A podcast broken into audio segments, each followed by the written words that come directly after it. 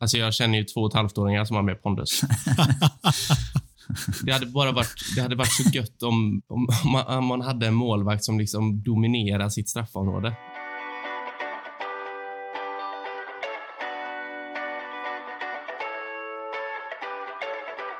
Can Manchester United score? They always score. Rooney! Oh, wonderful! It's Berbatov! Brilliant! Marcus Rashford! Oh, glorious! That is a special one!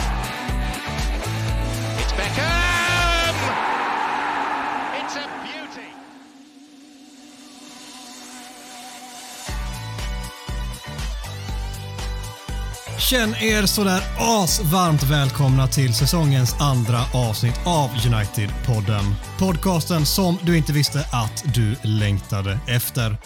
United-podden görs i ett stolt samarbete med både den officiella supporterklubben MUS och United-redaktionen på Svenska fans. Vi är tillbaka för andra veckan i rad med ett purfärskt avsnitt. Och äntligen, åtminstone enligt honom själv, gör Gustav Kulle säsongsdebut. Hur känns det att rulla in här till den nya gingen och lite gött härligt studs i galoscherna? Ja, som ni har längtat. Här är jag. Ja, man känner knappt igen sig här. Det känns som att man kommer in till en helt ny lägenhet här. Det har målats om, det är nya möbler. Det är en ny person som bor här. Så det är, nej, men det är jättespännande. Kul, kul att vara med. Ja, vi får väl ändå säga kul att ha dig med. Mackan, säsongsdebuten är avklarad förra veckan. Känner du dig sådär varm i kläderna nu igen? Ja, men det närmar sig i alla fall. Man var, man var lite rostig, det, det kände jag när jag lyssnade efterhand. Men eh, nu är jag på G. Eh, som eh, Martial har visat så växlar jag också upp nu, känner jag. Så vi kan alltså ha lite högre krav på dig denna vecka menar du? Eh, höga krav ska man aldrig ha på mig, tror jag. Men eh, mellanhöga krav kan vi ha. Ja, du var ju faktiskt lite ringrostig när vi skulle starta inspelningen och du höll på att käbbla till ordentligt. Så som Gustav sa, det är ju ändå försäsong även för dig. Så är det. Det är, det är ny inredning och nya fräscha möbler. Och, men det är samma gamla trötta inneboenden. Men det, är- det är härligt på något sätt. Att jämföras med Martial ändå. Så, så du har typ sju bra insatser i dig på en säsong då, eller tänker jag? Eller? Det är ungefär vad vi har max att få ut av dig. Ja, på sin höjd. På sin höjd. Men de är jävligt bra känns också eller? tryggt. Känns tryggt. Exakt, då är, då är jag otrolig alltså. Annars är det den här eh, nonchalanta auran där du smyger runt mest och tittar på alla andra och sträcker på axlarna och sådär. Ja, Har vantar på sommaren. Det har, du, det har du ju faktiskt i alla fall en vant när du är ute och spelar golf har jag sett.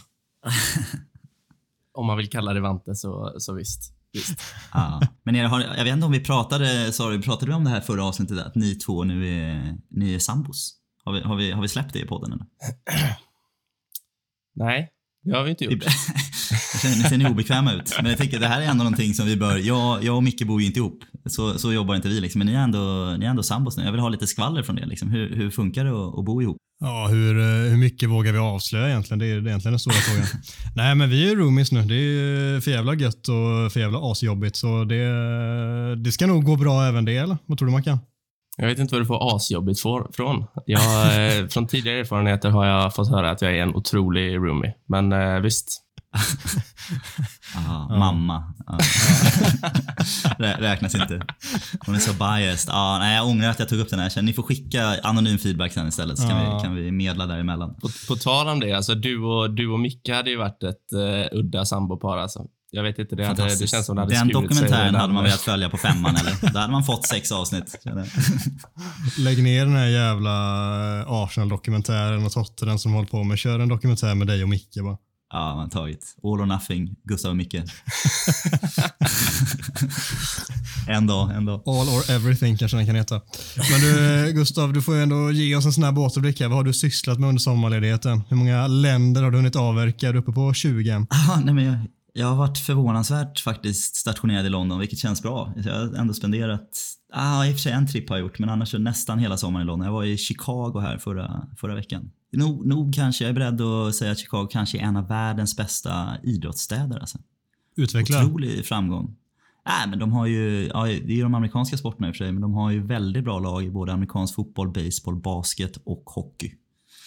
Plus ganska mycket duktiga friidrottare, golfare. De har liksom, det är duktigt, ja, grym, grymma atleter rakt igenom. Plus att de, jag tror att de också har vunnit flest Nobelpris från Chicagos universitet. Så de är en extremt framgångsrik stad. Så jag hann med, det är lite off season, så jag hann med att titta baseball men det fick man på sin höjd. Lite sån här eh, brännboll plus. Det är ingen jättesport, baseball. Det, det ska jag fan inte säga.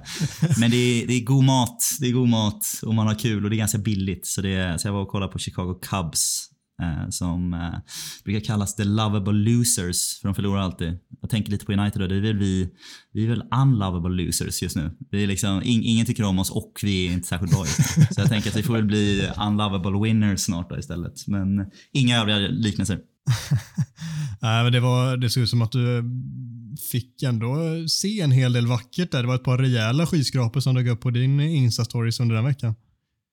Ja, väldigt, väldigt hög skyskrapa-aura Chicago faktiskt. Otrolig arkitektur där senaste hundra åren. Det är en av de första skyskraperstäderna i världen tror jag att de claimar att de är också faktiskt. Det är Chicago jättefint. Också kända för, nu kommer lite popquiz här, kända för två stycken maträtter i Chicago.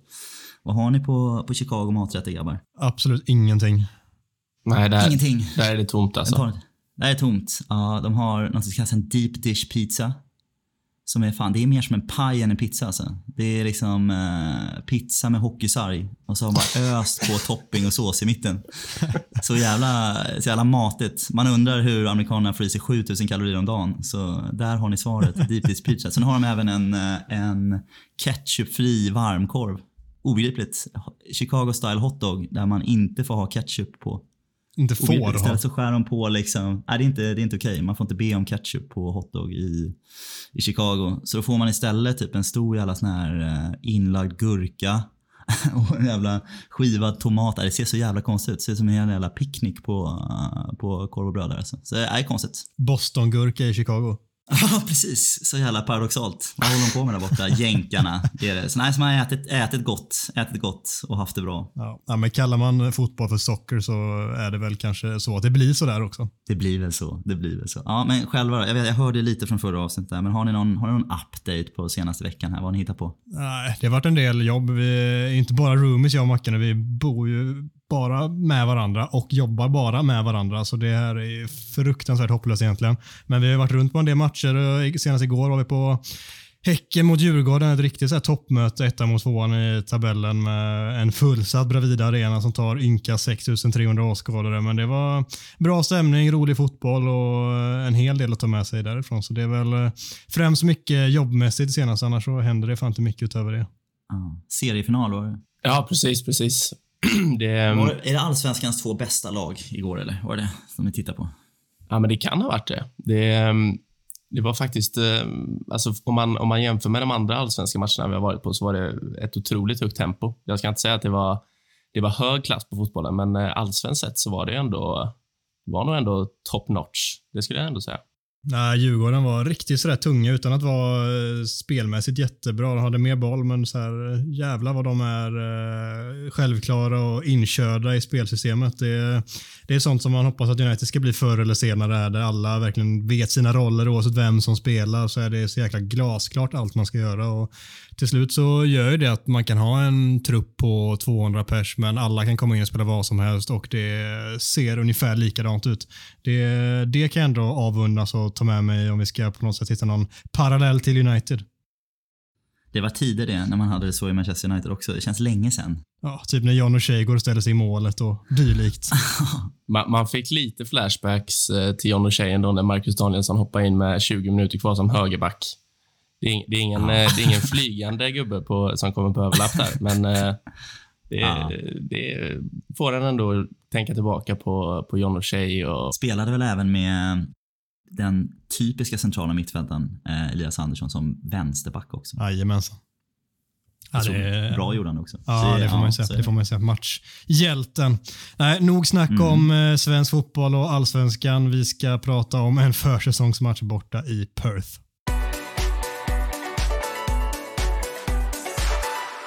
...2-2 mot Aston Villa blev den sista försäsongsmatchen på turnén. Och Eh, det var en match med två ansikten, väljer jag att beskriva den som. Hur ser du på matchen, Mackan? Nej, men egentligen som du, som du säger, två, två helt olika halvlekar. I första halvlek tycker jag United är riktigt bra faktiskt. Eh, framförallt offensivt, eh, mycket rörlighet, ytterbackar som fyller på, eh, anfallare som är rörliga och vill ha boll hela tiden. En Fernandes som vinner boll och driver upp anfall på en helt fantastisk usel gräsmatta. Det är alltså, herregud, jag vet inte. Det, det ser ut som typ Stoke på 70-talet kan jag tänka mig. Det var ju rusk att de ens lyckades trä ihop tre, fyra passningar i rad. Det är ändå, det är ändå starkt i sig. Eh, andra halvlek är väl... Eh, ah, det är dåligt. Leon Bailey kommer in och gör lite vad han vill. Och eh, Det känns inte riktigt som att fokus var där. Då, då kändes det som en försäsongsmatch. Så 2-2 var väl egentligen det, det rättvisa resultatet. Ja, det är väl det. Men jag tycker ändå man kan ta med sig att vår första elva inte spelar ut, men är klart bättre än Aston Villas första elva. Om det nu var det, men på, alltså väldigt nära åtminstone. Det är väl Leon Bailey som ska in där som har haft lite skadeproblem och någon spelar till möjligen, men annars är det ju båda lagens första elva i dagsläget och där är vi bättre. Sen så här försäsongsmatcher, de kan ha olika approacher. Så där. man kan inte läsa in allt för mycket i det, men jag tycker att vi kan ta med oss att det ser fortsatt väldigt bra ut när vi ställer ut eh, våra bästa spelare. Sen kan vi diskutera lite truppbredd och så senare, men den biten tycker jag ändå är spännande att se. Alltså vårt 1-0 mål där är ju fantastiskt upprullat. Vi börjar längs högerkanten och Martial trär vidare den och vi spelar ut på vänster och Shaw kommer runt Rashford och så perfekt inspel rätt på tassen på Sancho och så har vi 1-0. Det, det är ett mål som United sällan gjort under de senaste säsongerna men som båda väldigt mycket gott och det känns som att det finns en tanke runt liksom hela det anfallet på ett helt annat sätt än vad vi har sett många gånger förr. Så det, det finns en del positivt som med sig. Vad, vad säger du Gustav? Nej men verkligen. Jag tror att det, de här försäsongsmatcherna ligger jag ju sällan sömnlös efter. Alltså, jag tycker det är svårt att, svårt att dra för stora analyser. Man får titta på segment, liksom kvart, 20 minuter här och där där man känner att ja, men nu nu spelar vi vårt bästa lag och de spelar sitt bästa lag. Vad kan vi dra för slutsatser av det? Jag tycker ändå om man, om man ska ta kort litet större grepp så känner jag att det finns ju väldigt starka intentioner i vårt spel. Man ser ju, för, för alla som har funderat på eh, liksom, tränarkvalitet, hur mycket, hur mycket påverkan det har. Vi vet att vi har ja, men vi har en svagare trupp i år än vad vi har haft de senaste två, tre åren på pappret om man tittar individuellt. Men ändå så blir det en sån jävla skillnad när man, eh, när man börjar ha lite tydliga roller, tydliga riktlinjer. Man, man vet, man har lite en matchplan lagdelarna börjar sitta ihop lite så ser man ju direkt att det finns ju extremt mycket högre nivåer i oss än vad vi har haft de senaste 18 månaderna här. Så det, jag tycker man ser jättemycket positiva intentioner. Jag tycker jag håller med om er. Första halvlek är ja, men riktigt bra bitvis. Jag tycker rörligheten på våra tre anfallare är jätte, jättebra. Jag tycker vår, vår fyrbackslinje sitter ihop förhållandevis bra. Man får väl även man får ge, ge beröm till den ska beröm. Jag tycker Harry Maguire gör, gör en väldigt, väldigt stabil försäsong överhuvudtaget. De matcherna han har gjort med den här. Så uh, bra mot Aston Villa också. Så uh, ja, men väldigt mycket positivt. Sen så när vi byter sönder där, man ser när det står 15 spelare och står och hoppar vid sidlinjen vet man att jag, kan, jag kan stänga av nu. Mm. det är ingen idé att titta längre. Men ja, då blir det vad det blir. Men det spelar inte så stor roll tror jag. Nej, och den planen där som Mackan var inne på i andra halvlek, den, om den var dålig när matchen Liksom startade så eh, var det något i hästväg i andra halvlek. Det var ju egentligen en stor enda lerpöl där det fanns någon grästuva där här och var. Och Det är så spännande att se där hur spelarna väljer att ta hand om bollen i sådana situationer när det kommer till exempel en hög boll. För Många gånger så bara dör den rätt i en lerpöl, men helt plötsligt också kan den träffa en grästuva och studsa jättehögt istället. Så det är så jävla spännande att se hur de ska ta, sig hand, eller ta hand om det där och eh, det blir ju en helt annan typ av fotboll också än vad, än vad den som vi ska få se framöver och vad som man kan förvänta sig egentligen. Så det, det är svårt att dra slutsatser också bara sett till planens eh, skick. Nej, 100 procent. Man, får, man, får titta på, man får titta på lite individuella prestationer. Det var väl, vi ska väl diskutera det lite. Det var väl ett par tveksamma ingrepp här och var från en del både, både individuellt eh, och, och kanske som lagdelar. Så det, man kan väl läsa in sånt men man kan verkligen inte titta så mycket på, på kvaliteten i övrigt om planen ser ut som den är. Ja, sen en annan grej jag tänkt på. Nu har det, liksom, det roteras ju friskt här på försäsongen. Ni vet att han har varit eh, lite skadad här. Men det, jag, jag, tycker det är lite synd med James Garner här. Att han får komma in i det här jättebytet. Och att han inte får liksom, en halvtimme i det ordinarie laget här. Som till exempel, fan, alltså, Donny här har ju fått ganska mycket speltid. Eh, och ganska stort förtroende. Eh, jag tycker det är synd. Det hade varit så jäkla kul att se James Garner i vår första elva. Istället får han komma in liksom och spela med vårt, vårt B-lag vilket gör att det blir svårt för honom att förstärka sina aktier eh, under den halvtimmen. Men jag vet inte vad ni tycker. Jag hade jättegärna velat se mer av honom.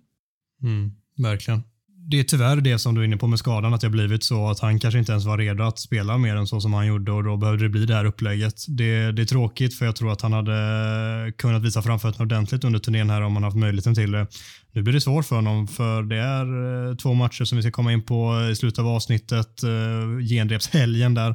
Det är oklart hur de lägger upp det där och vilka chanser han får där med vilka spelare. För det är som du säger, man vill se han i en så gott som start kontext men där det kommer vi inte få se nu mest sannolikt. Och om han tycker Tenag att han har sett tillräckligt på träningarna för att han ändå ska känna att han har en roll under säsongen som kommer Känns oklart, men det vore väldigt, väldigt spännande med tanke på hur bra han ändå varit i Nottingham förra säsongen, att det fortfarande finns intresse från Premier League-klubbar. Det är en spelartyp som vi idag hade mått bra av att få in också, så tråkigt, men förhoppningsvis så har han ändå kunnat visa tillräckligt på träning för att han ska få ett par chanser under säsongen, kanske i Europaspelet om inte annat inledningsvis. Jag håller helt med. att Det hade varit kul att se honom få, få chansen mer. Det, jag, jag, känner väl egentligen detsamma kring eh, Sidanik Pall som har spelat mycket, men han har, han har väl aldrig riktigt spelat med den eh, ordinarie elvan. Eh, tycker kan ha, kan ha varit värt en halvlek eller någonting mot, eh, mot något av lagen här, för han, eh, han är den som har imponerat på mig mest av, eh, av ynglingarna som har fått chansen. Nej, så det är lite synd. Jag tycker att det har varit en väldigt ganska statisk första elva här när, när han har kört sina... Och det är väl kanske bra i och för sig att han spelar in de, de namnen han ska luta mot. Men jag hade gärna sett kanske lite mer rotering in av ett par av de här unga namnen för att ge dem liksom speltid i ja, första elvan. Mm. Men äh, ja, vi får se.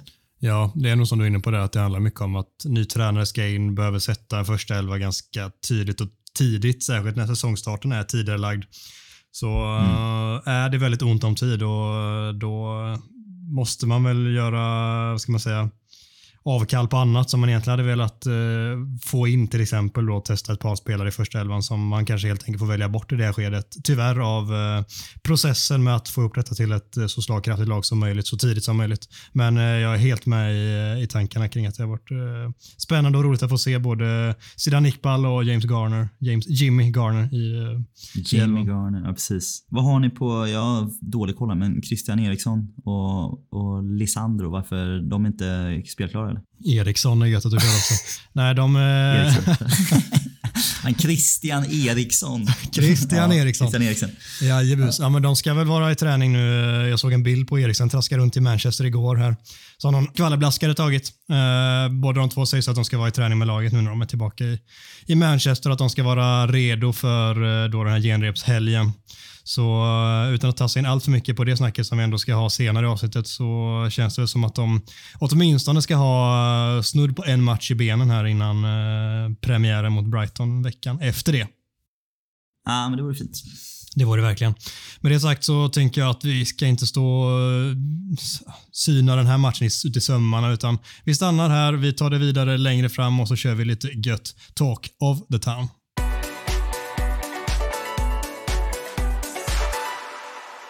Suck C-segmentet Talk of the Town är tillbaka med våra fem klassiska påståenden med aktuella ämnen som vi helt enkelt diskuterar huruvida det är sant eller inte. Vår första punkt för den här veckan är en riktigt het en. Den lyder så här. Ronaldos beteende är oacceptabelt. Och eh, jag tänker Gustav som eh, ofta har tidigare i alla fall tagit Ronaldos parti ska få lägga ut eh, texten lite grann och berätta om sina tankar och åsikter här. Ja, men den här är, den här är jag kluven alltså. Jag tycker den är svår. Vi, vi förstår ju alla vi vet ju alla kontexten. Jag tänkte inte att vi behöver bakgrunden här. Han håller sig borta från, eh, från både träning med laget och, eh, och hela försäsongsturnén här då, i förhoppning om att hitta, hitta en flytt då, tänker jag väl. Att det ändå utom, han har inte sagt det själv, så vitt jag vet i alla fall. Jag kan inte komma på om han faktiskt vågat, vågat säga någonting. Men han, eh, det är väl det som är underskrivet, då, eller undertonen han försöker få till här. Jag kan känna att det ger ju en dålig eftersmak i munnen förstås. Liksom, när vår ja, men absolut största fixstjärna och högsta lön eh, inte dyker upp. Det är, alltså, faktiskt så är det, det är ett PR-värde och ett PR-jobb han har också. Med den, det kommer med den lönen. Han ska vara med på de här försäsongsträningarna, han ska vara vår... Eller, trä, träningsmatcherna, han ska vara vårt ansikte utåt när vi lanserar nya tröjor etc. Eh, och det har han ju nu bråkat sig ifrån.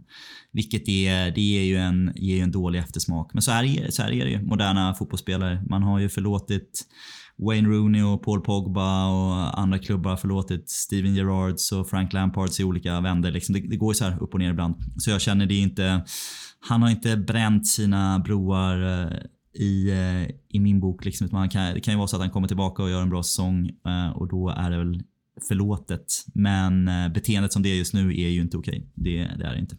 Nej, och så här, ska man jämföra med den typen av spelare får du jättegärna rätta mig om fel, men visst har de ändå åkt med på försäsongsturnén även om de samtidigt har bråkat och velat lämna. Ronaldo väljer faktiskt att inte åka med överhuvudtaget och stanna hemma och tränar i sitt eh, egensnickrade gym. Alltså Erik, jo så Erik, jag vågar inte, vågar inte Nej, jag vågar inte heller ta gift äh, på det. Men, min pension på den. Men, det, men jag tror att det, det kan nog, eh, det kan väl vara så. Men jag känner också det är väl, han behöver väl inte den här försäsongen på det sättet. Men det är klart att han ska ju vara i laget och, och eh, ja, men visa hur han ska passa in i den här startelvan och hur vi ska i så fall bygga lite ett anfallsspel kring honom. Så det är klart att det, det är problematiskt. Men jag skulle väl ändå känna att om man tittar på alla spelare i truppen, om det är en som man skulle kunna vila under försäsongen och får vila sig i form så hade det väl varit Ronaldo. Uh, han kommer säkert kunna klicka in i det här laget ändå. Han har ju ändå den fotbollsintelligensen. Men uh, nej, men det är inte, det är inte optimalt. Det är det inte. Jag, jag tycker det är löjligt alltså. Jag, eh, jag vet inte. Folk har beskrivit honom som superprofessionell under hela sin karriär och det, det, tycker jag fortfarande att han är, men han hanterar ju den här situationen som en omogen 15-åring. Han, eh, alltså, han vill lämna, fine, det, det kan jag förstå, men det hade han ju kunnat komma på i maj, april. Det, det är bara helt, det är så konstigt hanterat att man ska trycka ut den här viljan i början av juli. Då har ju allt redan satt igång. Liksom. Försäsongen har redan startat för många spelare. Det, det skapar sån eh, disharmoni i hela truppen, tror jag. Den första veckan kan, måste ha varit jättekonstig. Vad, vad, vad händer? Vart är, vart är Ronaldo? Och, och sen mm. att trycka ut bilder på när han tränar under pågående träningsmatch. Jag vet inte, det är väl inte han som sköter sitt Twitterkonto, men han har väl någon typ av inverkan på det också. Så nej, jag vet inte. Jag tycker, det är, jag tycker fan det är på gränsen till pinsamt. Alltså. Hur ser du Mackan att han potentiellt kommer tillbaka in i laget härifrån? Jag vet inte. Det är väl många Ronaldo-fanboys där ute som anser att han kommer kliva rätt in i laget och eh, göra det med eh, och att det ska vara rätt. Men nu känner väl jag mer att han ska anpassa sig till hur laget vill spela under den nya tränaren och inte inte tvärtom. Så eh, ska han in i laget så får han väl bevisa att han ska det. Det spelar väl ingen roll om du heter Cristiano Ronaldo eller Anthony Martial eller vad det nu heter. Så eh, nej, jag vet inte. Jag, eh, han kommer inte... Han, det är ju inget lag som vill ha honom heller. Så han kommer ju få knalla hem med skamsen över att ingen vill ha honom och det, han kanske inte har bränt sina broar till United-fansen, men han är fan på väg att bränna dem till mig i alla fall totalt fullständigt.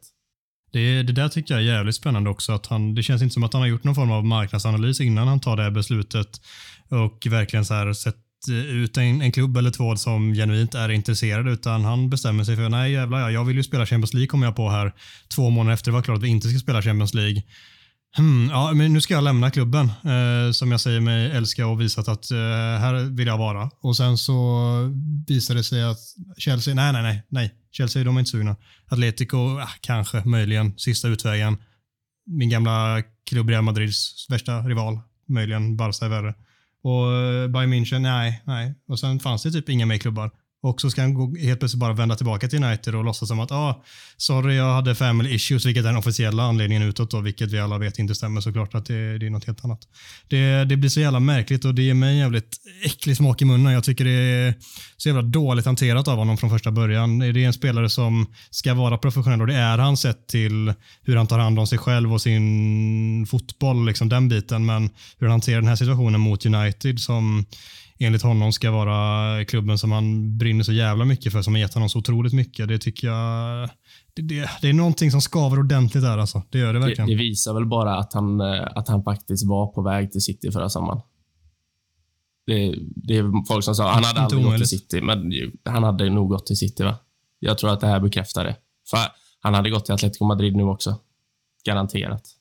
Jo, men så, så är det. Det, det. det tror jag att vi kan slå fast. Och det, jag, jag tycker nödvändigtvis inte att det är det är fel, utan på något sätt känner jag att det är, hans lojalitet låg till Sir Alex Fergusons Manchester United. Eh, inte till den soppan som har varit efter. Det var inte till ägarna eller till liksom klubbens historia utan det var liksom till sin fotbollspappa Sir Alex Ferguson och allt han gjorde för, för honom i sin karriär. Så han hade ju aldrig någonsin gått till Manchester City om Sir Alex Ferguson hade varit tränare för Manchester United. Det hade aldrig någonsin hänt.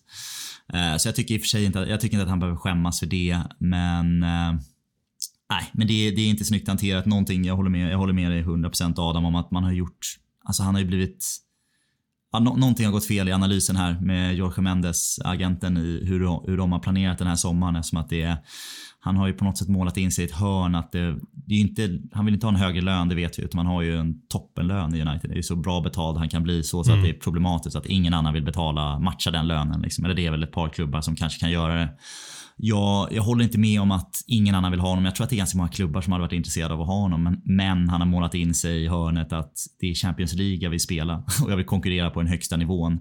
Och det är precis, du nämnde klubbarna, det är bara ett par klubbar som kan göra det och de har valt att lösa det på andra sätt. Jag vet inte, han måste ju ha haft några semilöften på att att ja, Bayern München eller, eller Chelsea eller vad det kan ha varit då, eh, skulle vara aktuella eh, och, och de ville ta över honom, PSG kanske. Men eh, det, ja, så är ju verkligen inte fallet. Så nu kommer han få då krypa tillbaka och spela Conference League ändå då, troligtvis. Europa League ska ändå spela. Ja, Europa League, ja så är det faktiskt. Det är sant. Men eh, ja, så eh, men det, det är dålig, dålig eftersmak. Men jag är så himla van vid det här när det gäller moderna fotbollsspelare att jag är liksom inte, jag är inte superbrydd. Utan kommer han tillbaka och gör något litet sån här PR-statement som de alltid gör här i augusti, september och så, och så är han tillbaka och spelar och, och gör det bra och verkar liksom falla in bra i laget och i planen, vilket är inte, inte omöjligt. Han är ändå, han kommer inte vaska en säsong, det tror jag inte. Utan är han väl tillbaka och, och tränar och spelar så tror jag att han kommer göra det ganska bra. Eh, så känner jag att då, då är, det, är det vad det är. Jag har inte högre förhoppningar eller förväntningar på moderna fotbollsspelare än så ändå. Jag tror ju det här som du säger att hans lojalitet har ju legat till Sir Alex Ferguson i första hand. Definitivt, det, det köper jag rakt av. Eh, samtidigt så kan jag tycka att han borde känna ännu, eller inte mer, men borde mer än vad han verkar göra i alla fall, känna mer för supportrarna. Och det är väl någon form att jag bara inbillar mig själv ja. att det är så, alltså att fotbollen är på ett annat sätt än vad den kanske är. Men att han borde ändå känna mer respekt mot supportrarna som verkligen avgudar honom. Väldigt, väldigt många åtminstone ska tilläggas. Det är absolut inte alla som gör det, men väldigt, väldigt många. Och som stöttat honom och sjungit hans namn hela säsongen. Och sen så gör han på det här sättet. Men han vet också hur lättköpta supportrarna är tillbaka. Det räcker att han kommer tillbaka som du säger med någon form av PR-uttalande. Han eh, gör två mål i match nummer tre för säsongen. Han kör sin målgest och eh, kysser klubbmärket och sen så är allting förlåtet eh, av den stora breda massan. Han vet ju också att det är så det funkar. Jag eh, kan lova nu att jag inte kommer vara så lättköpt, men jag vet att det är ju väldigt många gånger så fallet blir för väldigt, väldigt många. Vad trött man är på det ändå. Ja. Nej, sen, jag ska... Alltså, äh, fy. Ja, men det är, så, det är så cirkusen ser ut. Vi har hört det från alla. Det funkar så. Jag, ska ja. inte, jag vill, jag, vill, inte bli för public service, men jag tycker ändå att man ska nämna att han, han påstår att det är ett familjeissue och historien har visat att ibland så vet man inte vad det är som händer. Så jag tycker man får, lända, man får lämna en liten procent tills man vet närmare eh, om det kan vara någonting bakom kulissen. Vi vet med Victor Lindelöf här till exempel som, eh, som fick mycket skit när han eh, missade landslag etc. Så jag tycker att man ska, vi får väl, får väl ha en liten brasklapp på att det, det kan vara någonting familjemässigt också som, eh, som gör det här. Men han har ju, ja, han har inte uttalat sig jättebra så jag det är väl kanske osannolikt. Nej, precis. Jag tycker att han, om det nu är familjeissue så kan han ju gå ut och bara säga nej, det är, jag, jag vill inte lämna, det är inte det det handlar om. Han, eh, alltså, tystnaden nej. säger väl allt här, men jag håller med dig, det ska en liten, liten, My, liten, my, Mycket tyder på det. Brasklapp ska väl in. Litet, litet fönster. Japp, japp, japp. Vi, vi säger väl så med den här punkten och så går vi vidare.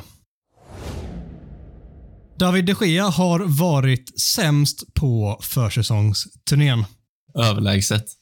Jag vet inte vad han håller på med. Alltså. Jag, det, jag, jag, tror, jag tror att Lee Grant hade varit bättre om han, det var han som stod. Han ser, han ser så jäkla osäker ut nu igen. Det är delvis målet han släpper in nu mot Aston Villa här på stopptid. Där jag, alltså ute och cyklar är ju milt uttryckt. Han är ju inte i samma världsdel som, eh, som Aston Villa-spelaren som nickar in den. Eh, sen har vi ingripandet mot eh, Crystal Palace. Chambers av alla.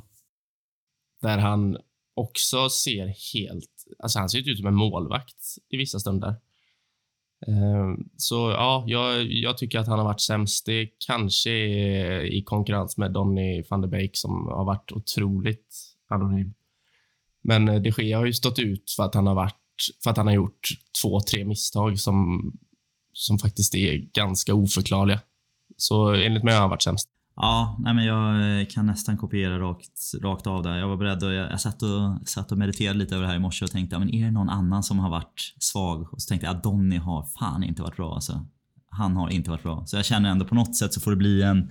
Det får bli oavgjort där. Men han har ju alltså, det sker varit ute och hängt tvätt här. Eh, så det bara står härliga till alltså. Otroligt. Jag vet inte vad han har hållit på med i sommar. Jag har verkligen liksom druckit för mycket sangria eller någonting. Men det är ju helt Ja, han har aldrig varit jätte, jättepondus i, i luftrummet, men det har ju varit, har ju varit svagt. Uh, är jag orolig för säsongen? Uh, nej. Uh, jag är mer orolig för att uh, Donny-pengarna är bortkastade än att de Gea kommer göra en dålig säsong när vi tittar tillbaka på det här. Men det, han har ju varit, ja, tillsammans med Donny, svagaste länkarna här i de fyra matcherna vi har spelat. De två har varit sämst, men jag tycker så att de Gea har ju faktiskt gjort misstag, medan Don inte har gjort misstag. Han har bara inte liksom lyckats tillföra någonting till laget förutom det vackra, vackra målet mot Crystal Palace där vi rullar upp eh, jävligt fint och han är verkligen delaktig mm. i det, just det målet. Men i övrigt så har jag inte lyckats påverka någonting in, åt något håll medan det sker tycker jag har påverkat åt fel håll. Vilket gör att jag håller honom som sämst. Och jag ska säga att jag är mer orolig än vad du är inför säsongen. Jag kan hålla med dig om att Donny-pengarna mycket väl kan visa sig eh, vara bortkastade. Det, det är möjligt att det är så. Men det sker är jag orolig för, för jag ser inte riktigt att någon målvakt som vi har i truppen just nu ska in och, egentligen göra ett bättre jobb. Sen kanske om han är så här dålig så har vi uppenbarligen några som möjligen kan göra det bättre. Men ni förstår vad jag menar. Vi behöver en målvakt som är tillräckligt trygg med fötterna, som har lite mer pondus. Men det sker har jag någonstans landat i att han är en målvakt som på något sätt thrives. Vad heter det på svenska ens? Han... Uh... Han frodas. Ja, han frodas. frodas Otroligt. Mackan sitter och slår i Svenska Akademins ordlista här. För er som inte ser. snabbt Nej, men, det, snabbt vi, vi använder ordet frodas. Han är en spelare, eller målvakt som på något sätt frodas i ett kaos där han får stå och göra spektakulära räddningar på linjen när det inte riktigt funkar framför honom. Men i ett välfungerande lag där han har en kanske tydligare arbetsbeskrivning vad han ska bidra med så är det inte en målvakt som håller, framförallt i alla fall i den typen av fotboll som Ten Hag vill spela just nu. Jag har jättegärna fel. Jag sa det väldigt många gånger förra säsongen när jag var kritisk till Regi att jag tycker han har jättemycket i grund och botten och är sjukt tacksam för allting han har stått för i klubben. Men jag är verkligen, verkligen osäker på om han är rätt målvakt att ta oss vidare härifrån. Jag tror att efter den här säsongen kommer vi se ett målvaktsskifte men det är inte läge att göra någonting nu. Men jag är orolig för att det kan kosta oss mer än vad det egentligen borde och vad vi kanske till och med har råd med under säsongen som kommer. Det, jag lyfter varningens finger där. Jag hoppas som sagt att jag har fel, men jag är jävligt orolig för mm. det. Men det, det med det han är målvakt och hans misstag syns ju tydligare än andra spelare såklart. Men det, det är också så uppenbara mm. misstag. Det är liksom inte att han, han, råkade, han, han råkade tabba sig en gång och släppa in ett löst skott mellan benen. För det, sånt händer ju även det bästa. Det, det är ju alltså framförallt i luftspelet. Nu blir det mål mot uh, Aston Villa, men det hade kunnat bli mål tidigare mot Aston Villa. Han gjorde något liknande mot Palace. Uh, du beskrev det att du önskar att han hade lite mer pondus. Alltså, det är ju otroligt snällt. Alltså, jag känner ju två och ett halvt-åringar som har mer pondus. Så det, det, hade, det, hade, bara varit, det hade varit så gött om om man, om man hade en målvakt som liksom dominerar sitt straffområde. Går ut och plockar bollar. Alltså, Gustav sa att Donnarumma var en av hans drömvärvningar och då höll jag inte med, men jag, jag köper ändå det. För han, han dominerar ändå sitt straffområde. Det är hans, det är ingen annans. De Gea dominerar ju knappt mållinjen. Liksom. Så det är, det, det är, det är oroväckande. Mållinjen är hans. Mållinjen är hans. det är knappt alltså. Inte mycket till. Nej, men det är... Nej, jag vet inte. Jag, jag hör er och jag, det, det kan ju mycket väl bli så här. Men på något sätt så måste jag ändå känna att eh, är det någon gång jag vill se ett par tabbar från min målvakt så är det på försäsongen. Liksom, get it out of your system. Jag är helt övertygad om att ja, men det är som ni säger, det är en sån utsatt position. Så när han, när han klickar till sen inför hemmapubliken i Premier League. Jag tror att han har ett annat fokus. När han jackar upp sitt fokus 10% så, så försvinner de här misstagen och då är han samma de Gea med hans styrkor och svagheter vi har sett de senaste fem åren. Så jag, jag tror inte att det kommer vara liksom det kommer inte vara sämre i år än vad det var, eller har varit de senaste åren med de Gea. Det, det tror jag inte. Uh, en, en bubblare ska vara Will Fish. Ja, Svag försäsong. han, han hade inte så många minuter, jag kände jag vill inte kasta honom under bussen. Men han har ju haft kanske den svagaste försäsongen av alla. Ja, det får man säga. Ja, det är jag. Ja. Men så här då, vi kan väl ändra den till att de Gea har varit sämst på försäsongsturnén efter förutsättningarna. För de som har spelat mer än 20 minuter. Ja, precis. Ja, exakt. Det blir inte många fler minuter för Fish i A-laget den här säsongen. Det, det har han nog spelat bort sig för. Han är färdig tror jag. Ja, Ja, om han ens var i närheten av den innan, ska vi Ja. lägga till. Men eh, vi slår fast att han har varit sämst i Gea på försäsongsturnén och sen så hoppas vi att Gustav Kulle har jätterätt i sin eh, framtidsprofetia. Minst två nyförvärv till behövs, annars blir det en tuff säsong. Jag tänker att jag kan börja hugga tagen här lite grann och så får ni ta vid därifrån. Jag tänker att det eh, nog är så att vi behöver ha in en mittfältare till för jag tycker att, eh, ja men vi, så här, jag kan säga båda positioner direkt. En mittfältare, central mittfältare och någon i det offensiva ledet. Om det är en ytter, en anfallare, någon som kan spela både och. Det Eh, är jag helt övertygad om att vi måste få in för att säsongen ska gå i hamn tillräckligt bra sen när vi räknar ihop den i slutändan. För vi kommer ha så mycket matcher. Om vi tittar på den anfallsserien vi har nu så känns den extremt spännande och startelvan i sig är, den har, den har väldigt mycket, men där bakom finns det inte särskilt mycket och den bakom den fronttrion med Rashford, Sancho och Martial så om vi pratar om att Ronaldo är möjligen ett alternativ, vi vet inte än vad som sker med honom. Men bortsett från honom så är det ju Anthony Elanga som är närmast på tur där bakom tillsammans med Ahmad och får väl se vilka mer som möjligen ska vara med där. Men det, det är ju beklämmande hur pass eh, svag bredd vi har där framme.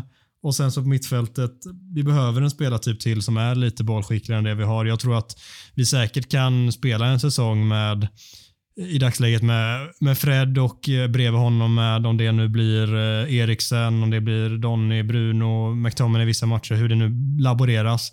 Men Fred tror jag kommer vara helt, helt avgörande att han liksom håller sig frisk i den här säsongen, vilket är sjukt att säga om vi jämför med ett år tillbaka. Men i dagsläget är det faktiskt så. för Vi har ingen profil som kan fylla den rollen på något sätt. Så att få in en mittfältare till vore eh, kanske till och med ännu mer, alltså ännu, ännu viktigare än en till eh, i anfallstrion. Men så här, två nyförvärv, ja, vi, vi behöver det och Ten Hag har ju varit öppen med att de tittar på alternativ och inte känner sig klara. Men att de inte heller kommer plocka in någon om de inte tror att den kommer, att, det inte är rätt spelare helt enkelt.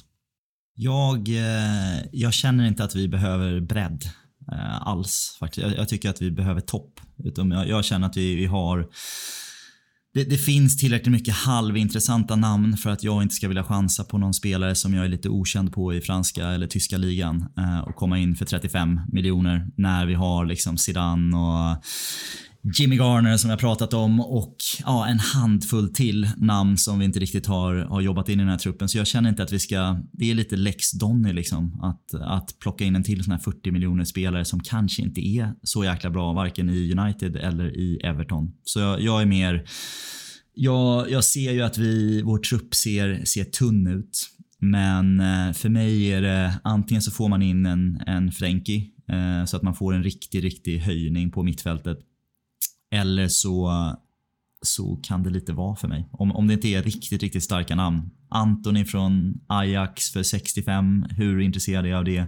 Inte jätte liksom. Alltså faktiskt. Jag tycker att då, då ser jag hellre ett halvår att man jobbar med lite av de talanger vi har. Eh, jag vet inte med Diallo eller Pelistri eller ja, you name it. Men det finns ju ett par namn som jag hellre ser att man kanske försöker skola in då under den här höstsäsongen och provar innan man, innan man lägger 65 på, på en till Ajax-spelare. Eh, men sen så är det ju, vi är ju, vi har ju släppt sex stycken ordinarie ordinarie spelare här. och det är inga, inga dussinnamn liksom med Pogba och Cavani och Matic och Lingard. Det är ändå spelare som har haft liksom haft ganska stora roller, eller relativt stora roller i den här truppen. Så det, det finns, finns ju hål i truppen, men jag tycker att antingen riktigt hög kvalitet som går rakt in, eller så kan man jobba med den, den truppen vi har. Mm, ponera en skada på Rashford eller Sancho, eller Martial för den delen, någon av de tre där framme. Ponera en skada på, på Fred. Vad, vad gör vi där? Liksom? Det, det känns som att det kan vara eh, hela skillnaden mellan en en, eh, en godkänd bra säsong kontra en väldigt svår säsong i slutändan. Och det är väl någonstans där jag landar. Och sen håller jag med dig om att vi inte bara ska värva bredd. Jag vill ju värva spets som gör att vår nuvarande liksom startspelare blir bredd istället, vilket är det bästa sättet. Ehm, och jag tror att eh, eller jag tror och tycker framförallt att borde ha tillräckligt många alternativ där pinpointade där man liksom märker att okej okay, den här spelaren kommer inte få loss. Då går vi till alternativ B hur, så väger man det mot varandra. Kommer vi få loss eh, alternativ A i januari eller nästa sommar? Hur stor, stort är tappet på att gå ner till eh, plan B liksom och, och värdera det? Men det är någonting som de här tjänar miljontals pengar för att faktiskt få ihop en ekvation och lösa i slutändan. Och eh, där tycker jag ändå att man borde kunna lösa någonting. För just nu som du säger, vi har tappat så mycket spelare vilket gör att truppen är rätt tunn om man ser till spets. Vilket gör att vi, vi nog måste börja ja, men göra lite, lite, möjligen tumma lite, lite grann på eh, hur vi väljer att resonera i den här frågan. Men jag håller med dig i grund och botten att det, är, det är så man vill jobba och det är så vi ska jobba i grund och botten också. Ja, jag tror jag ska släppa in Mackan, men bara, eh, jag tror grund, frågeställningen här är att utan två två nyförvärv så blir det tufft. Alltså jag, jag, tror att det blir tufft även med två nyförvärv. Alltså jag tror att det här, där vår trupp är just nu, oavsett om vi får in en eller två spelare till, så det här, vi har en tuff säsong framför oss och då får man väl definiera vad man, vad man tycker att det innebär. Men vi kommer inte konkurrera om de första två, tre platserna utan vi ska, vi ska hugga på en fjärde plats och försöka göra stora framsteg från förra säsongen och det tror jag kommer, det, det kommer bli tufft oavsett här. Så jag, är inte, jag tror inte på någon sån här silver bullet i att om vi får in två, två till spelare här nu så, så kommer vi garanterat att liksom ha, ha bra häng på den där fjärde, den där Champions League-platsen. det, det kommer bli tufft oavsett för mig. Jag tror att det är så här, Mackan ska verkligen få poäng snart här, men jag tror att det är att få in den spelaren kan ändå vara skillnaden på att verkligen, verkligen konkurrera hela vägen in om en topp 4-placering, vilket vi pratade om förra veckan. Någonstans ändå mm. blir kravet den här säsongen, hur tråkigt det än är och att det är där vi behöver lägga ribban nu, men så är det. Och då tror jag att det kan vara helt avgörande om vi faktiskt är där och slåss om den hela vägen eller om vi är avhängda i, i mars och spelar liksom så här, ja, det är sjätteplatsen och möjligen en Europa League semifinal som står framför oss. Varsågod Mackan. Ja, shit. Tack. så är du vaken? jag slumrar till här. Men, eh, nej, men jag, jag håller väl med er i, i stort. Det är, det är inga breddspelare som ska tas in. Det, det, det, är väl det jag tycker är, det är väl det jag tycker är bra med framförallt Martinez och Eriksen. Eh, jag vet att folk har eh, klagat på, på värvningen av Eriksen som, som Adam var inne på förra veckan, men det är ju faktiskt spelare som kommer in till en trupp med kvaliteter som inga andra spelare i den truppen besitter. Eriksson, han, hans passningsfot finns det ingen annan som har. Martinez kommer in med en aggression, en vänsterfot som är väldigt underskattad. Så det, alltså det är ju spets och eh, därför, jag, jag fattar att Ten inte vill släppa de Jong, även om det ser ah, jag vet inte ens vad det ser. Det, det, är bara märkligt, hela situationen. Men alltså, han hade ju kommit in och gett laget en ytterligare dimension som vi inte haft på väldigt många år. Mm. Eh, sen är ju anfallsfrågan jävligt lurig. Jag tycker att det finns andra positioner också som kanske inte bör prioriteras i sommar, men eh, mycket hänger ju på vad som händer med Ronaldo också. Ronaldo är ju faktiskt en, en bra avslutare och en bra anfallare. Men om han skulle lämna så står vi där med en anfallare i truppen. Och då, då blir det ju lurigt oavsett eh, hur bra den anfallaren är. Så det, det är svårt. Det, det, är brist på alternativ där uppe. Eh, det snackas om Anthony, men då vill Ajax ha 80 miljoner euro. Det är, så bra är han ju inte. Så eh, jag tycker det är skitsvårt, men jag, jag tror ju att det, det, är väl det som, som Liverpool gjorde så bra om man, om man ser till Klopps första säsonger. Vad hade de? Då hade de en bra startelva. Liksom. Det, det, var väl det. De hade elva bra spelare. Sen hade de elva tomtar på bänken i stort sett. Då kastade de in en jag kommer inte ens ihåg vilka spelare de hade, men det var ju sorgliga fotbollsspelare. Eh, Ja. och Lalana och gänget. Ja, precis. Ehm, Så alltså man behöver ju också, det är ju lika viktigt att ha en bra bänk nästan, som att ha en bra startelva. I alla fall om man ser till en säsong i stort. Eh, så jag anser att vi behöver mer, vi behöver mer spets även på bänken. För eh, även om Anthony Elanga är bra och jag gillar honom så det är ju inte en gubbe man kan förlita sig på på det sättet som man, eh, som man behöver om man vill vara med på flera fronter. Det är, det är många matcher under en säsong och då, då behövs det mer spets i det här laget. Så jag, jag tror att minst två nyförvärv. Annars, eh, annars kommer laget gå på knäna i februari-mars. Ja, nej, alltså det är, min, min hypotes bygger ju 100% på att Ronaldo stannar. Eh, det är ju en helt annan diskussion. Alltså om, vi, om Ronaldo inte, inte är kvar, då är det ju sju stycken spelare vi släppt från förra säsongen som ändå har fått ordentligt med matchtid och vi har fyllt på med, vad är det, tre eller? Eh, det går inte. Så det, för mig så bygger det på att Ronaldo ska spela 30 matcher för oss liksom, eh, i en nummer 9-roll här nästa säsong. Gör han inte det så måste det definitivt bytas, men det är Ja, nej, jag tror det här blir en tuff säsong oavsett och jag tror att vi måste, det är väl vårt jobb här som podcast också, att sätta förväntningarna lite för, för alla miljontals fans där ute som lyssnar på oss just nu. Eh, att eh, det, är, det, är en lång, det är en lång resa, ett förändringsjobb här och det är, ja, minns Guardiola och minns Klopps första säsonger eh, och, och titta på United att det här är liksom 18-24 månader innan vi kommer se ordentliga resultat förhoppningsvis. Men vi kan förhoppningsvis se, få lite goda trender redan, redan Så i år. det. Ja, och vi kan fort, förhoppningsvis ha jävligt roligt på vägen med en fotboll som tilltalar oss, vilket vi har sett ändå en tillstymmelse till minst sagt under försäsongen och det är framförallt det som jag tror lockar väldigt eh, många om vi ska försöka vara lite positiva också, inte måla upp som, eh, detta som en tuff säsong så, så här resultatmässigt periodvis kommer det vara tufft men jag tror också att vi kommer ha betydligt mycket roligare på vägen och eh, se hela tiden någon form av utveckling. Det är det jag ser framför mig i alla fall, där vi hela tiden märker att vi tar små kliv framåt. Det blir så här två steg framåt, ett steg bak och så jobbar vi så hela säsongen. Och eh, det, det kittlar ju någonting jämfört med det senaste vi haft. Man bara stått och stampat en jävla lerpöl eh, som den vi fick bevittna på eh, planen i Perth senast. Så förhoppningsvis får vi någonting roligare här nu. Jag blir ju väldigt mycket gladare av att titta på United med Zidane, Iqbal och, Jimmy Garner än att titta på Cavani och Angel Di Maria. Eh, så, det, så för mig så ser jag hellre att, vi, eh, att jag får lära mig lite nya namn i år eh, än att vi som sagt trycker in en Anthony. Så jag känner också så här nu, ah, jag vet inte, vi kör till varv redan. Nu, är jag- nu, är nu är jag på gång här. Men det, jag hör hur du vill stänga ner. Men det, nej men jag känner så här, jag är trött på att hålla på och försöka rycka i spelare som ingen annan stor klubb håller på och rycker i. Liksom. Jag tycker det säger någonting. Varför är det ingen annan som köper Anthony för, varför har ingen hållit på att jaga efter honom hela sommaren här liksom? Och visst, Arsenal höll på med Martinez här liksom. Men jag vill vara med, liksom, om spelare som är kvar fortfarande och inte ryktas till fem andra toppklubbar liksom. Jag tycker att det finns en anledning av det. Då blir det en sån här Donny-spelare som sen går till Everton och spelar massa matcher och ser väl okej ut liksom. Och jag tycker att det är, det är inte de spelarna vi ska lägga stora pengar på utan då ser jag hellre att vi jobbar med, vi har en av världens bästa akademier, det är ingen snack om saken. Jobba fram de spelarna istället då. Eller har vi helt plötsligt uh, funnit den här koden som Liverpool knäckte i början när de plockade in Mané som visade sig vara helt otrolig. De plockade in van Dijk som visade sig vara helt otrolig. Har vi lyckats identifiera någonting där? Det, det är väl andra sidan av myntet möjligen. Jag tror ju inte det med tanke på hur vi lärt känna United, men den här lilla brasklappen som vi pratade om förut, den ska in. Det, det var bra. Ja, är det Facundo Pellistri som ska lösa alla våra problem? Kanske. Det, det, det är bra att ni säger det, för jag, jag tänkte bara flika in att eh, det känns ju, alltså Martinez, Eriksen och Malaysia är spelare som Tenag verkligen har velat ha och Frenkie är en spelare som han verkligen vill ha.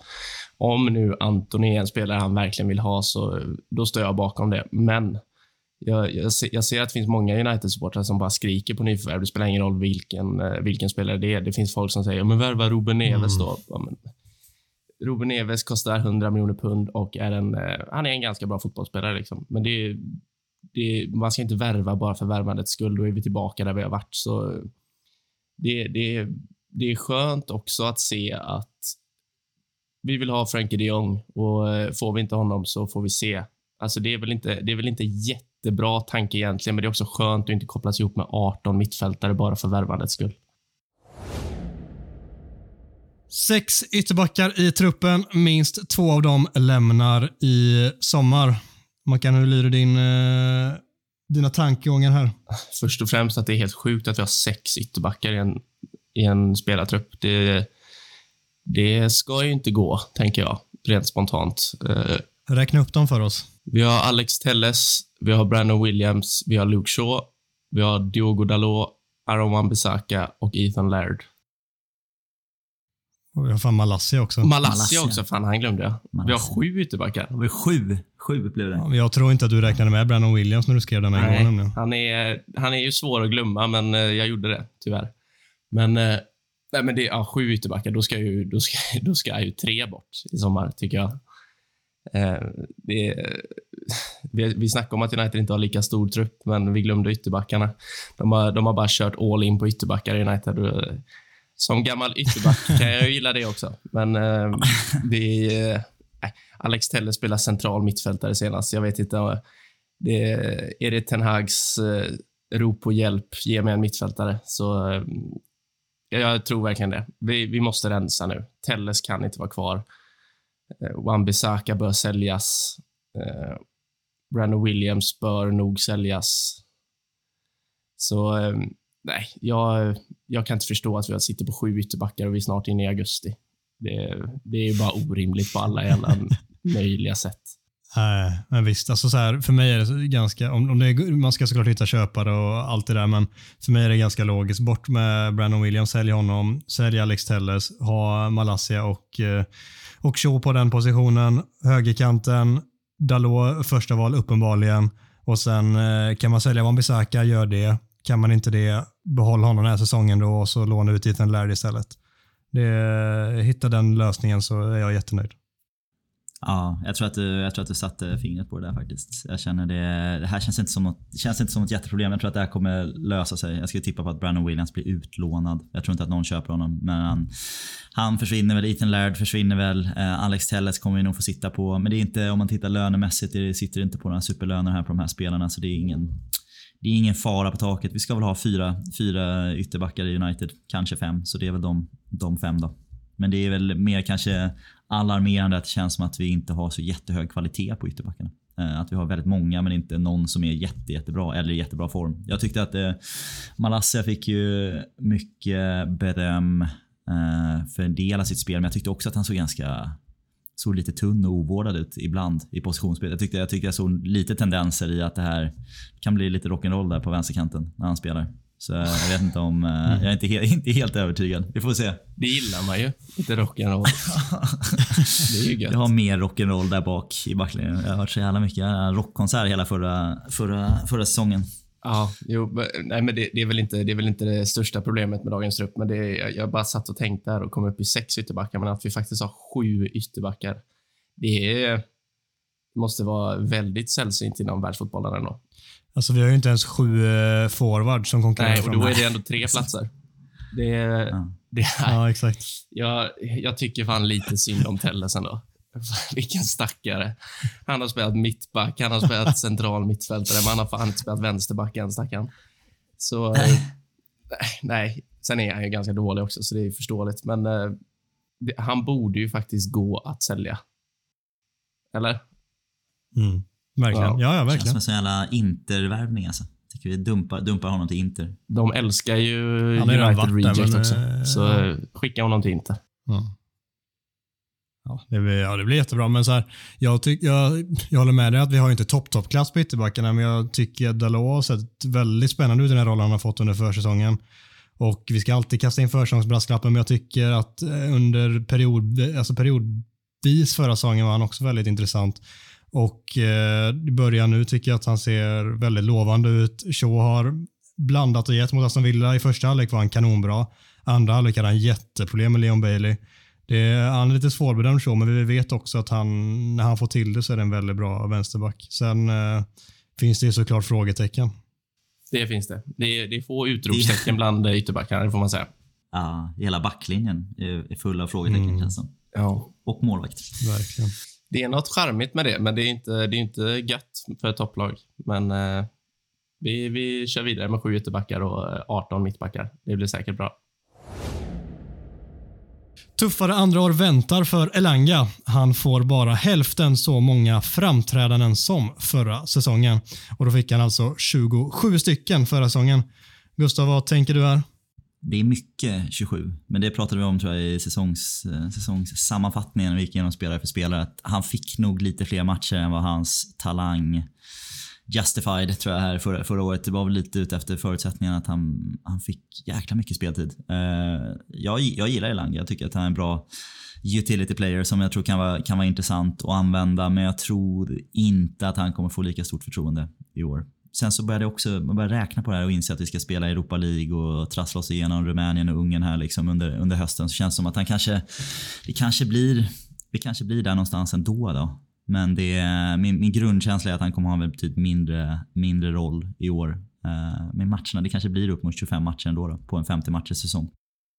Tror du att han får tuffare andra år eller tror du att han kommer snarare om jag har utvecklats av det han har fått med sig från förra säsongen och ta med sig det in i denna. För ibland pratar man ju om en tuffare andra säsong och det känns väl inte otänkbart att det kan bli så heller. Ja, nej men det känns, jag är lite kluven på om jag tror att han passar in i Ten Hags fotboll eller inte. Han är ju rörlig och löpstark och verkar väl i grund och botten ganska disciplinerad i sitt sätt att spela. Så det talar väl för honom. Men jag tycker för att vara offensiv känns det som att han saknar ganska mycket end product och inte jättestark man mot man. Eh, och passar kanske lite bättre i någon Solskärs kontringsspel än i, eh, i, eh, om vi ska ha lite possession som jag vet att Den Haag ändå vill ha. Så jag, eh, jag, jag vet inte faktiskt. Jag tror att han, eh, min, min grundkänsla är att han, eh, han pikade i United förra säsongen och att det inte blir bättre än så. alltså du är alltid så positiv. ja. ja. Ja, då hoppar jag in här igen då, sist som vanligt. Nej, men... Kör, um, kör. Eh, men när, när, folk pratar om Elanga så, så benämner nästan alla honom som en, eh, en ung eh, kille med, eh, alltså, med psyket som sin egentligen största tillgång. Och det, det är väl egentligen motsatsen mot andra unga spelare. Så jag, jag, tror ändå att han kan... Han kanske inte får en så stor roll som han hade under våren framför allt, men jag, jag tror ändå att han kommer komma upp i 25 matcher som, som Gustav sa där. Och det, det är mycket beror ju på att det är Europa League och inte Champions League och, eh, och, och brist på alternativ. Eh, så eh, jag vet inte, jag, jag, jag, ska inte, jag ska inte säga att jag tror att det blir någon jättestor United-spelare de kommande åren av Elanga, men jag, jag, tror ändå att han, han har ju potential att bli en rollspelare under många år. Det tror jag. Men jag, jag tror inte att han pikade förra året. Det, det, det hoppas jag verkligen inte i alla fall. Det hade varit mörkt att tänka på. Ja. Jag tycker inte riktigt att jag ser, ser topp 4 i England potential i honom som en riktigt som en rotationsspelare heller. Men, men jag vet inte. Jag, jag, känner att jag, jag brukar alltid vara överpositiv när vi tar fram nya akademispelare och vill verkligen att de ska få chansen. Men jag, jag tycker inte riktigt att jag ser den där jättetoppen i hans potential. Men det kan vara mitt fotbollsöga som är, som är otränat. Jag har, jag har haft fel förut. Jag tror fortfarande att Adnan Januzaj ska vinna Guldbollen innan hans karriär är slut. Liksom. Jag, jag, har inte gett upp. Nick Powell också var jag väldigt, väldigt investerad i ska jag säga. Gamla crew, crew mittfältaren. Honom, honom har jag inte gett upp på heller. James Wilson trodde du stenat på jag en känsla James Wilson trodde jag aldrig på. Det ska jag fasen, den, den kan du inte kasta mig under. nej. Men Adnan Januzaj och Bebe trodde jag... Nej, han, han trodde jag verkligen inte på. Hem, hemlösa portugiser. Ja, nej. Nej, jag har inte jättemycket mer att tillägga. Där. Jag, jag kan bara instämma Gustav i dina frågetecken eh, kring Elanga. Jag är inte heller, tyvärr, sådär säker på att han har den talangen som eh, många hoppas, tror och vill. Men eh, jag blir även här väldigt gärna överbevisad.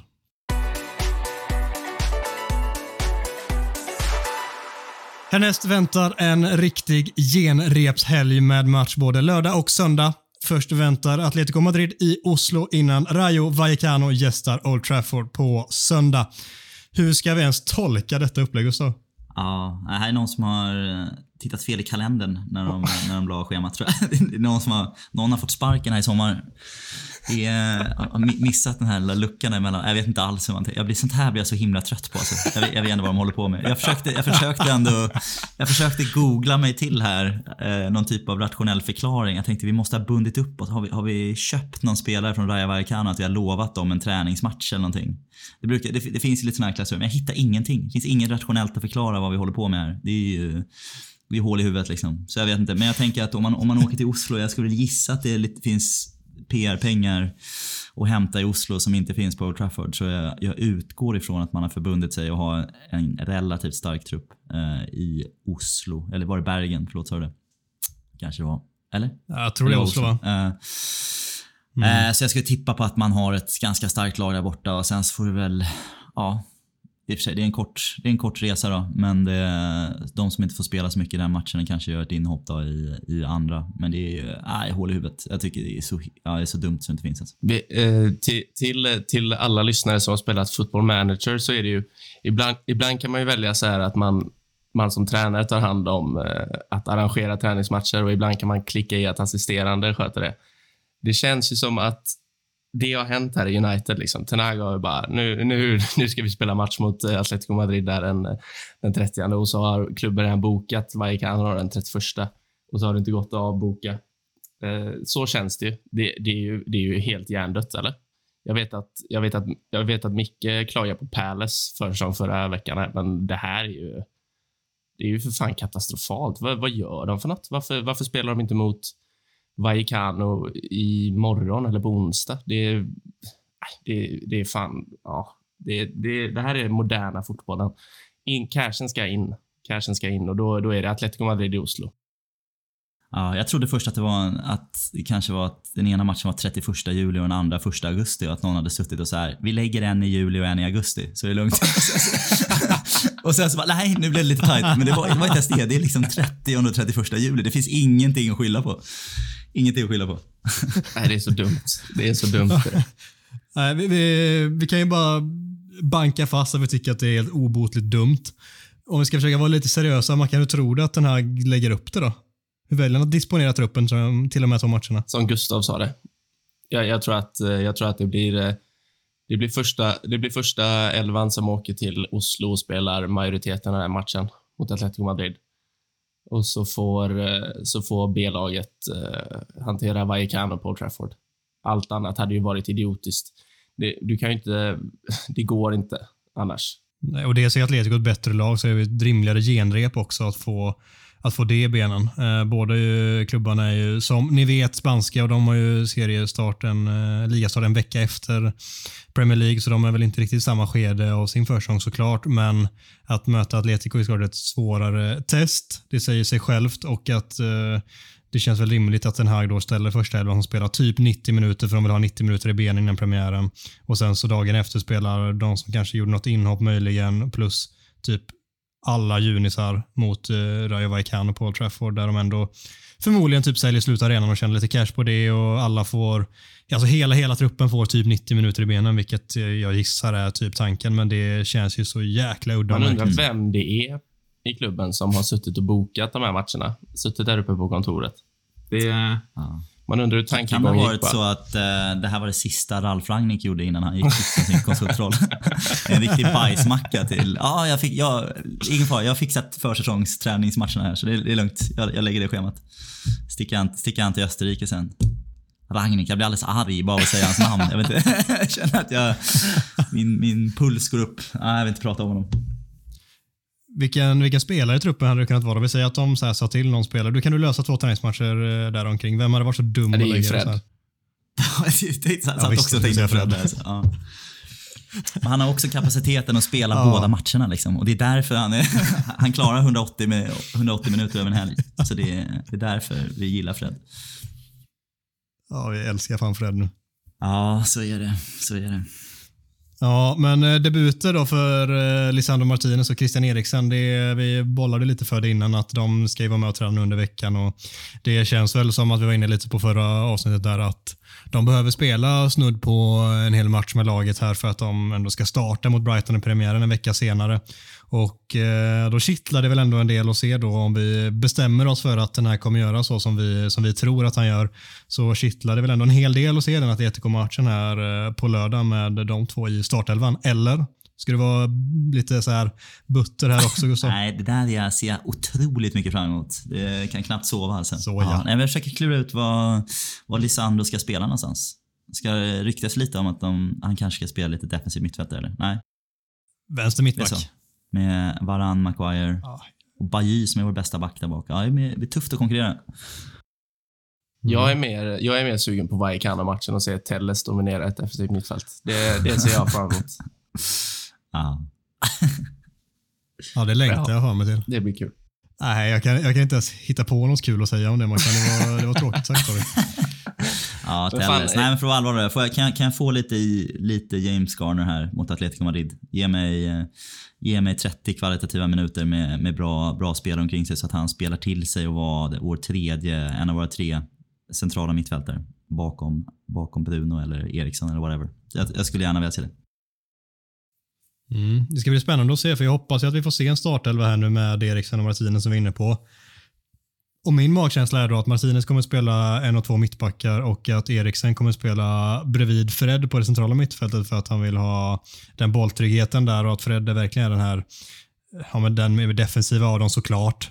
Eriksen står för eh, väldigt trevliga fötter och så Bruno framför hårt jobbande och den kreativiteten, kreativiteten han ändå har. Det, det ska bli spännande att se om det nu blir så. Jag hoppas att det är det vi får se, Ja, åtminstone. då kommer Fred få täcka ytor du. Bakom Eriksen och verkligen Bruno. Då kommer han få springa. Nej. Nej, men det är, jag tror nog ändå att det är det vi ser. Men så här, jag, du pratar ju om Martinez som är defensiv mittfältare och jag skulle inte bli förvånad om han testas däremellanåt. Han spelade någon gång under säsongen, men jag är helt övertygad om att det inte är planen med honom att använda honom där i första hand, utan det är som vänster mittback. Den här älskar att ha en vänsterfotad mittback, vi pratade lite om förra veckan. Han är numera den enda i truppen också som är det. Jag tror att han kommer spela 80-90% av sina matcher kommer han spela som vänster mittback och så några strö inhopp eller starter som defensiv mittfältare om det nu behövs någon gång. Ja, intressant. Det känns som att vi har lite, eh, har vi lite top-heavy där bak om man tittar på de namnen med både Maguire som han uppenbarligen har låst in som lagkapten här då. Eh, och Varann som, jag vet inte vad hans hälsostatus är men det känns ju som en, en spelare av en kaliber som garanterat borde vara en startelva spelare. Eh, det är ju inget snack om saken. Så ja, intressant att se hur han ska lösa det. Verkligen. Som vi har konstaterat tidigare, i där bak har vi ändå många alternativ åtminstone till skillnad från vissa andra delar av, eh, av banan. Är det någonting mer ni känner att ni vill lyfta upp inför eh, den här galna genrepshelgen? Spelar inte BB i Vallecano? Nu, eh, Nu sätter oss på jag att tänka på lite snabbt här. För det hade en, en återkomst till Old Trafford för BB är ju ändå mäktigt. den gamla då, det hade varit snyggt alltså. Ja, jag har för mig. Jag har sett Ja. han bomba in en frispark i. Vallecano här. Det hade varit... eh, Ja, Det, det hade ju ändå gett en lite, lite, alltså lite mer anledning till att se matchen mot Vallecano. Om BB glassar runt där på vänster ytterkant på, kul. Vallecano. Han bombade in en frispark, det har du rätt i faktiskt. Ja, det hade Mm. varit kul att se. BB som har varit med och spelat hemlösas fotbolls-VM. Vart, Ja. vart går nästa hemlösas fotbolls-VM? Går det i Qatar också tro? Det tror jag inte. Känns inte så. Känns inte så. Jajamän, han tillhör banne med Rayo Vallecano med ett kontrakt till 2025. Såklart han gör. har vi. Det är ju någon restklausul som gör att vi åker på den här träningsmatchen. Det är ju det är så vi har hamnat där. Alltså. Där har vi ju där har vi Där det. har vi den. Jag visste att det var något. har vi knäckt Det är ett lösningen. testimonial för BB för all, allt han gjorde för United. Det är, han ska hyllas. Ja, otroligt. Ja, det kanske är så. Visst eh, har de inte någon god Terena och någon, någon mer så här spelare som man känner igen överhuvudtaget i, eh, i det här laget, men det var banne mig inte mycket Spelar, mer de spelar i. La Liga i alla fall. Nu känner jag mig dum, men visst, visst kom de i mitten av La Liga eller? Ja, de spelar i La Liga. Nej, det har de inte gjort. Det har de inte gjort hela tiden de senaste åren. Det, det känner jag. Det har de inte Nej. alltid gjort. Nej, just det. De har ju banne med Radamel Falcao också. Det ska Oj. inte glömma. Det kanske är Nu där eh, snacka. skon. Nu får vi ihop det här. Nu fattar vi varför det här händer. Det är Falcao och BB-pengarna som ska in helt enkelt. Så är det. Och eh, det luktar ju ändå, luktar ju ändå BB och Falcao-dominans mot, eh, mot ett lag lett av Alex Telles från det defensiva mittfältet. Det är Ja, Will, Will Fish i mittelås Will? Fish, Phil Jones och en galen Alex Telles framför dem som skyddar. Det, det kan inte bli annat än 0-3. Det, det kan bli en svettig söndag på Old Trafford nästa vecka, men det, det är ju härligt. Ja. Men det blir ju mycket så kallat TikTok-content av den matchen. Det blir det. Ja, ni kör. Men nu är jag taggad. Jag känner det. Jag vill bara få bort de här träningsmatcherna. Jag vill börja spela tävlingsfotboll. Jag vill bara snabbspola. Skit i, skit i den här helgen faktiskt. Sorry alla som har lyssnat på det här. Skit i nästa helg. Jag vill bara rakt in i Premier League nu. Jag är så jävla taggad alltså. Superkontraproduktivt. Men jag känner bara, bara snabbspola. Jag vill bara sätta igång nu. Supertaggad. Men vi kan ju lobba för det redan nu att nästa vecka kommer ett eh, vansinnigt gött inför säsongen avsnitt där alla fyra poddmedlemmar ska sätta sig ner och snacka upp säsongen så det heter duga. Ah, jag och Micke ska agera medlare i samboterapi här mellan, mellan er två. Så det, det ser vi fram emot. Jaha.